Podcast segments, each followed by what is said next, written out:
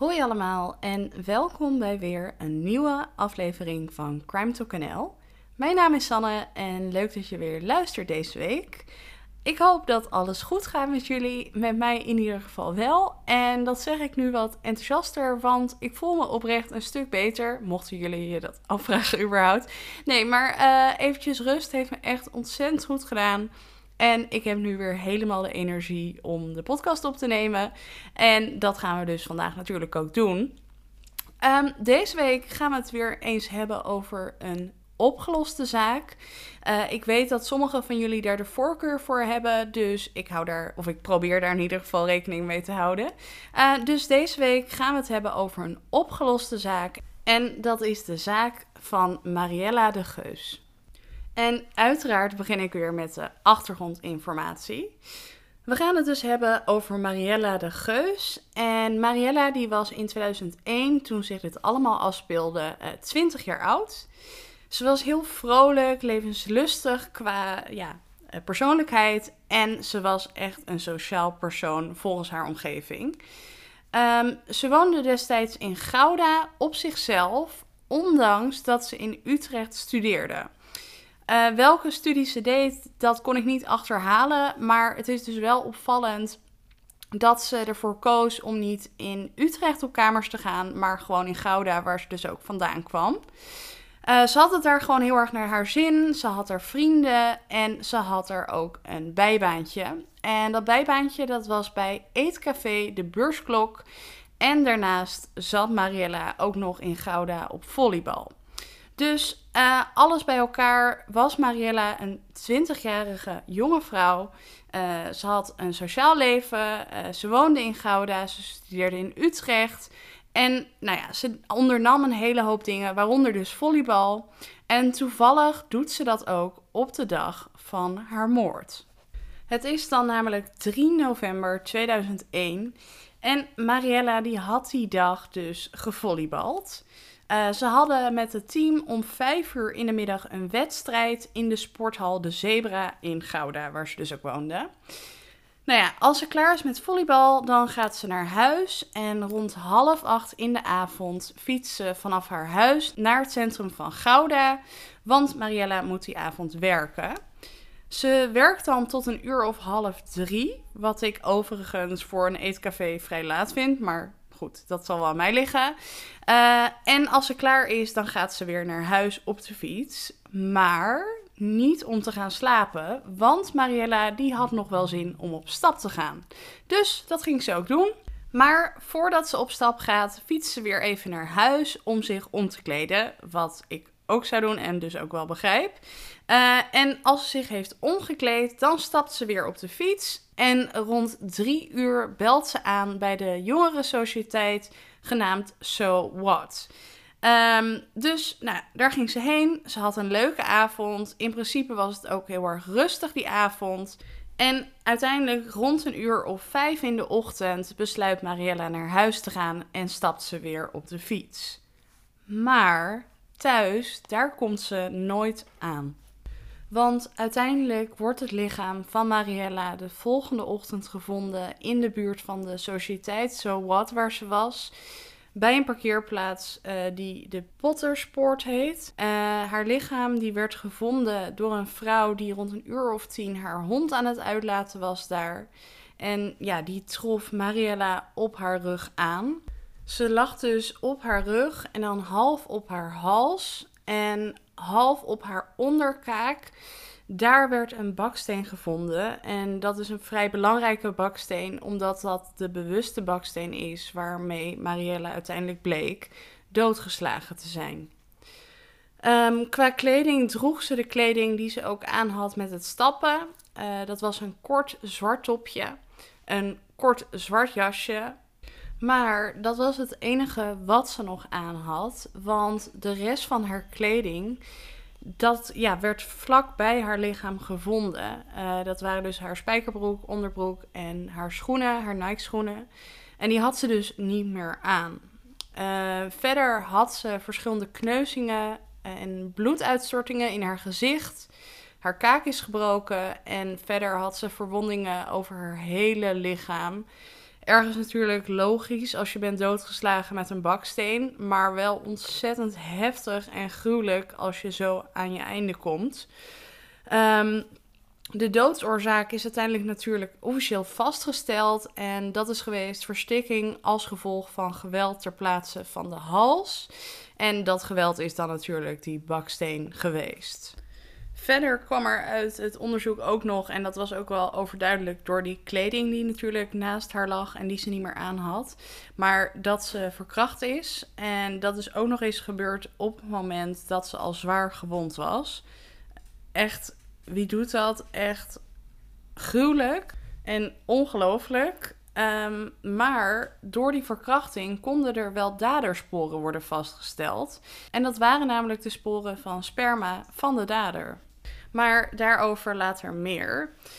Uh, ja, zoals begrijpelijk is, de shock was enorm in Gouda. En niemand kon geloven dat daar zoiets gebeurd was. En niet een beetje, ja, om maar even stom te zeggen, dat iemand is vermoord door messteken of zo. Maar echt op zo'n gruwelijke manier en zo'n jonge, onschuldige vrouw. Ja, de schok was enorm. En er werd ook bijvoorbeeld een stille tocht georganiseerd waar 10.000 mensen meeliepen. Om even aan te geven hoe groot het was en hoezeer het leefde. Uh, maar dat neemt natuurlijk niet weg dat het afgrijzelijk is. Um, uiteindelijk begint de politie natuurlijk een onderzoek. En door een getuige komen ze terecht bij een eerste verdachte. En deze getuige, dat was een man die in de nacht van de moord bijna tegen een fietser was aangereden bij de parkeerplaats waar Mariella gevonden werd. Toen hij deze man uh, bijna aanreed, keek deze man heel betrapt en dat vond deze man dus best wel vreemd. Logisch natuurlijk. Um, maar deze man die kon ook van deze verdachte uh, een signalement geven. En hij omschreef deze man als iemand met een Marokkaans uiterlijk en iemand die tussen de 22 en 27 jaar oud was.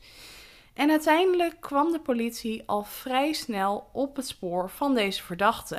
En dat was namelijk Noordin B. van 21 jaar, die een psychiatrisch patiënt was en behandeld werd in een kliniek in Gouda. Uh, deze Noordin die was uh, paranoïde schizofreen en stond ook bekend als iemand die agressief en intimiderend over kon komen op vrouwen. Maar dat is niet het enige wat hem verdacht maakte. Want um, hij kwam ook best wel regelmatig in het eetcafé De Beursklok, waar Marielle natuurlijk werkte. Dus, nou, nog iets verdacht. Daarnaast had de politie ook nog het idee dat hij over daderinformatie beschikte. Want Noordin die had het namelijk over een steen. En ja, Mariella die was natuurlijk met een steen doodgeslagen, zoals ik vertelde. En dat klinkt natuurlijk allemaal best wel verdacht. En je zou denken, yes, ze hebben heel snel de dader gevonden, dit moet de man zijn. Alleen dat bleek niet zo te zijn en het lijkt er heel erg op alsof de politie vooral heel graag wilde dat ze een dader hadden en wilde dat Noordin deze dader was, omdat ze ja, dan in ieder geval de zaak opgelost hadden. Want er waren best wel veel dingen die niet klopten en waaruit bleek dat Noordin niet de dader kon zijn. Want sowieso die getuige die hem dus had omschreven en die die fietser bijna had aangereden, die herkende Noordin niet als persoon die hij had aangereden. Nou, dat is natuurlijk al vrij gek, maar er is meer. En eigenlijk is dit het belangrijkste bewijs waarom Noordin niet de dader was. Het DNA matchte niet en kwam niet overeen. En ja, dat lijkt, zou je denken, genoeg reden om iemand uit te sluiten. Maar volgens de politie niet. Um, ze zijn namelijk toen met een theorie gekomen dat er een derde persoon in het spel moest zijn. Dat Noordin dus niet het alleen had gedaan, maar met nog een persoon erbij. En belangrijk om te weten is, is dat uit psychische rapporten bleek dat Noordin zwak begaafd was, behoorlijk zwak begaafd. En dat hij ook vrij makkelijk te beïnvloeden was. En dat zorgde er eigenlijk ook voor dat hij heel erg meewerkte met de politie. En eigenlijk alles zei wat hij dacht dat de politie wilde horen. En uiteindelijk vertelde hij dan ook uh, een verhaal over de nacht van de moord. Uh, hij vertelde namelijk dat hij die nacht langs de parkeerplaats liep en dat hij toen een kennis van hem zag die Mariella aan het verkrachten was. En deze kennis die zou toen aan hem hebben gevraagd om een baksteen te geven waarmee hij dan ja, Mariella kon vermoorden. Volgens Noordin deed hij dit toen braaf en gooide hij toen de baksteen de kant op van de kennis en Mariella. Um, en heeft hij dat gedaan, heeft hij Mariella niet vermoord, maar heeft hij alleen de baksteen aangegeven. Waarmee hij dus in verband kon worden gebracht met die baksteen. En vervolgens zou deze kennis dan ook Mariella daadwerkelijk hebben vermoord. Ja, uh, het klinkt een beetje als een gek verhaal, maar als je het zo zou bekijken, als dit echt gebeurd zou zijn, dan zou dat natuurlijk kunnen. Deze kennis uh, waarover Noorden het had, werd natuurlijk ook opgespoord en onderzocht. En wat bleek? Hij had ook gewoon een sluitend alibi en ook zijn DNA matchte niet. Daarnaast bleek ook nog eens dat uh, veel van de verklaringen van Noorden niet klopten met de bevindingen van de patholoog. Dus wederom weer een hele hoop dingen die niet kloppen. En waardoor je zou zeggen: Nou, dit zijn niet de daders of dader. Um, Noorden die kan het echt niet gedaan hebben. Maar toch zijn ze er bij de politie van overtuigd dat het zo is gegaan. En uiteindelijk wordt dit dan ook een gerechtelijke dwaling. Wat we natuurlijk al wel vaker hebben gezien in alle podcasts. Um, Noordin die wordt uiteindelijk toch vervolgd. En de officier van justitie eiste uiteindelijk 10 jaar cel met TBS. En dat heeft hij ook uiteindelijk gekregen. Bizar natuurlijk, helemaal omdat er zoveel bewijs is wat tegen hem pleit. Dus heel erg raar. Uh, hij gaat dan ook in hoger beroep, gelukkig. En daar wordt hij toch vrijgesproken door gebrek aan bewijs. Uiteindelijk is hij dus onschuldig en heeft hij 37.000 euro gekregen voor ja, schadevergoeding voor het negen maanden onterecht vastzitten voor de moord van Mariella. En ja, het is natuurlijk voor Noorden heel erg fijn dat hij werd vrijgesproken en dat hij ja, toch kon bewijzen dat hij niet de dader was. Tegelijkertijd betekende dat natuurlijk wel voor de zaak van Marielle dat de dader nog steeds vrij rondliep en dat de zaak dus onopgelost was. Het onderzoek, ja, dat moest dus weer opnieuw worden gestart, maar ja, veel kwam er niet uit. En dat is dan ook het moment dat Peter de Vries om de hoek komt kijken. Uh, de familie had hem namelijk benaderd. En in 2005, dus vier jaar later, gaat Peter aan de slag met de zaak. Um, hij besteedde er tijd aan in zijn programma Peter de Vries Misdaadverslaggever. En daarnaast deed hij ook nog wat anders, wat extra's, namelijk flyers verspreiden in Gouda. En op die uh, flyer stond dan dat mensen naar de uitzending moesten kijken. En dat zorgde ervoor uiteindelijk dat er steeds meer mensen over gingen praten, dat er steeds meer verhalen kwamen, dat er steeds meer geruchten rondgingen. En dat leidde uiteindelijk ook tot een naam van een mogelijke verdachte. En dat was Patrick van S. En opvallend is, is dat deze Patrick al eerder in het onderzoek naar voren was gekomen. En dit kwam omdat de politie er rekening mee hield dat Mariella de dader eventueel zou kunnen kennen. En dat was ook zo bij Patrick en Mariella. Zij kenden elkaar en daarom is de politie in het begin met hem gaan praten. Maar Patrick die werkte niet mee aan het onderzoek en precies op het moment dat ze met hem bezig waren, kwam Noorden naar voren. En daardoor verdween Patrick van S weer naar de achtergrond. Dus hij was eigenlijk een soort van vergeten, terwijl hij dus al wel eerder naar voren was gekomen in het onderzoek en daarbij dus ook niet meewerkte. Nou ja, goed, door die uitzending van Peter R. de Vries komt Patrick dus weer naar voren als verdachte. En nu werd wel van hem verwacht dat hij mee zou werken aan het onderzoek. Dus uh, justitie die zette best wel veel druk op Patrick. Uh, die hadden zoiets van of je staat zelf DNA af, of we gaan je dwingen. Dus uiteindelijk had Patrick geen keus meer dan uh, wangslijm afstaan voor DNA-onderzoek. En moet hij dus wel. Nou, DNA wordt afgestaan. En uiteindelijk leidt dat tot een match Het DNA kwam overeen met het dader-DNA. En dat betekende dus dat de daadwerkelijke dader gevonden was. En dat Patrick degene was die Mariella had verkracht, mishandeld en vermoord. En wat ook best wel opvallend is, is dat hij uitgerekend die avond ook gewoon in die uh, ja, jongere tent was, so what. En kort nadat Mariella was weggegaan, dat was dus rond een uur of vijf, was hij ook vertrokken. Waarschijnlijk even verderop, bij de parkeerplaats dus, uh, heeft hij haar waarschijnlijk van haar fiets getrokken, um, haar verkracht en daarna dus met een baksteen uh, doodgeslagen. En achteraf is er ook een vrouw die wist te melden dat zij iemand had horen roepen: Ik heb toch gezegd dat ik dat niet wil. En het zou heel, nou ja, het is heel aannemelijk dat dat Mariella is geweest. Het vermoeden is dat uh, Patrick verliefd was op Mariella en dat hij al vaker had geprobeerd om een move naar haar te maken. Alleen Mariella die zag hem niet zitten en die wilde dat dus niet. En uiteindelijk heeft dat er waarschijnlijk voor gezorgd dat hij een soort van geobsedeerd raakte met haar. En dat hij ja, heeft besloten dat hij recht had op haar en haar dus ook uiteindelijk heeft vermoord. Patrick zelf die, uh, legt vreemde verklaringen af. In het eerste verhoor ontkent hij dat hij Mariella überhaupt kende.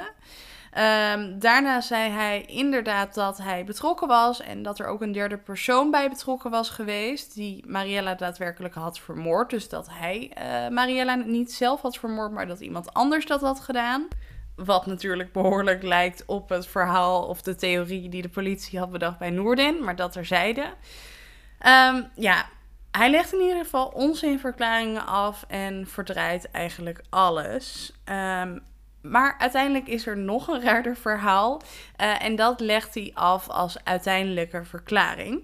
Hij vertelt namelijk uiteindelijk het volgende verhaal. Hij zou namelijk die avond gewoon vrijwillig seks hebben gehad met Mariella. Ze hadden elkaar uh, ja, weer ontmoet bij So What. En uiteindelijk zijn ze toen samen naar de parkeerplaats gegaan en uh, zijn ze daar gestopt om te gaan zoenen. Maar op het moment dat ze aan het zoenen waren, hoorden ze stemmen van mensen en zijn ze verderop, eventjes verderop, samen in het gras gaan liggen. Uh, Mariella die zou toen aan hem hebben gevraagd of hij condooms bij zich had, maar dat had hij niet. En uh, vervolgens had Mariella dus zoiets gehad van nou prima, uh, doe maar. En toen zouden ze dus seks hebben gehad. Maar terwijl ze bezig waren, kreeg Patrick, naar eigen zeggen, ineens een trap in zijn zij, hoofd en rug. En uiteindelijk zorgde dat ervoor dat hij bewusteloos raakte. Nou, hij was dus eventjes buiten bewustzijn en toen hij bijkwam, hoorde hij klappen en zag hij een man tegen het lichaam van Mariella aantrappen. Terwijl dat gebeurde, had hij een baksteen gevonden en hij wilde deze tegen deze man aangooien, zodat hij zou stoppen met Mariella mishandelen. Maar in plaats van op de man gooide hij per ongeluk de steen op Mariella. En uh, ja, zou ze daardoor zijn overleden. En hij is toen, naar eigen zeggen nogmaals, uit paniek weggerend. Nou, een uh, ja, op zijn zachtst gezegd uh, bijzonder verhaal. Ik zou ook bijna zeggen, knap dat je bij elkaar kan verzinnen. Um, maar goed, dit is wat hij vertelt wat er gebeurd is.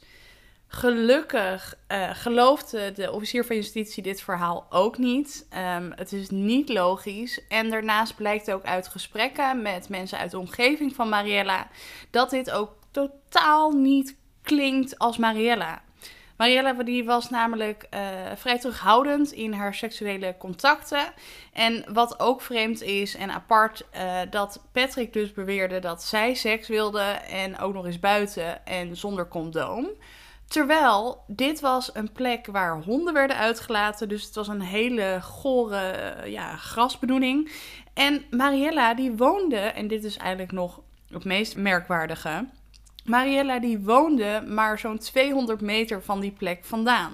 Dus waarom zou je ervoor kiezen om seks te hebben op een goor grasveldje in plaats van 200 meter lopen en gewoon thuis seks kunnen hebben? Nou, het klopt gewoon van geen kant en het is ook totaal niet overtuigend.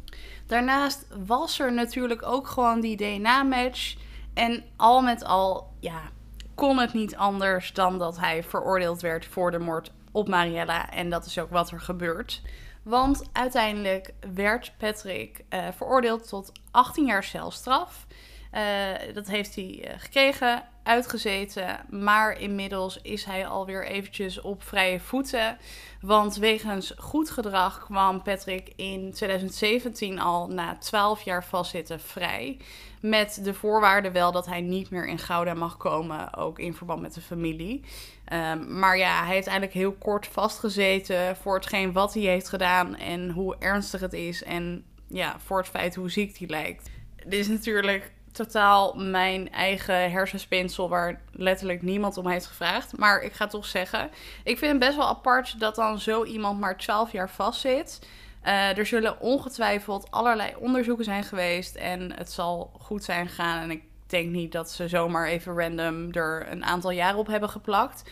Maar als je dit zo hoort en ook in combinatie met die vreemde en uh, ja, wisselende verklaringen die hij heeft afgegeven, dan zou je toch denken dat hij een celstraf zou krijgen met bijvoorbeeld TBS. Dat is dus niet gebeurd. Ik weet niet waarom. Um, maar het feit is dus wel dat Patrick na 12 jaar gewoon weer zijn leven kon voortzetten of kan voortzetten. Terwijl dat van Mariella, dat is afgelopen. En ja, voor haar familie zal dat ook heel erg anders zijn geworden. Ik bedoel, je hoort dat natuurlijk vaker, maar uiteindelijk heeft die familie en Marielle zelf natuurlijk ook gewoon levenslang gekregen. En zo'n dader kan dan gewoon weer verder gaan. Het zal natuurlijk voor een dader ook wel anders zijn en misschien wat lastiger dan voorheen met een strafblad. Maar ja, ik blijf dat toch altijd heel schrijnend vinden. En het lijkt me als familie zijnde ook verschrikkelijk dat iemand zo snel alweer buiten staat. Maar goed, nogmaals, dat is mijn uh, gedachte daarover.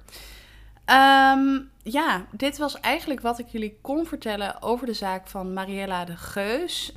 En normaal gesproken zou ik natuurlijk zeggen, voordat ik ga, heb ik nog een kijk, luister, leestip voor jullie. Maar uh, ik moet jullie uh, eerlijk bekennen, ik heb hem niet deze week. Ik heb zitten kijken, uh, ik ben wel iets aan het kijken, maar ik hoop daar bijvoorbeeld volgende week een tip over te kunnen geven.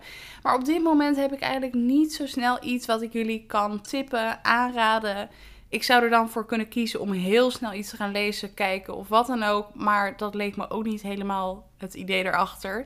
Dus de kijk, luister, leestip houden jullie gewoon van mij te goed. Beloofd. En uh, ik ga heel erg mijn best doen om volgende week gewoon weer een kijk, luister, leestip te geven. Dit was hem dan weer voor deze week. Ik hoop dat jullie het interessant vonden. Volgende week ben ik er weer met een nieuwe zaak. Uh, ik wil jullie heel erg bedanken voor het luisteren deze week. En ik wens jullie een hele fijne week toe. En tot horens.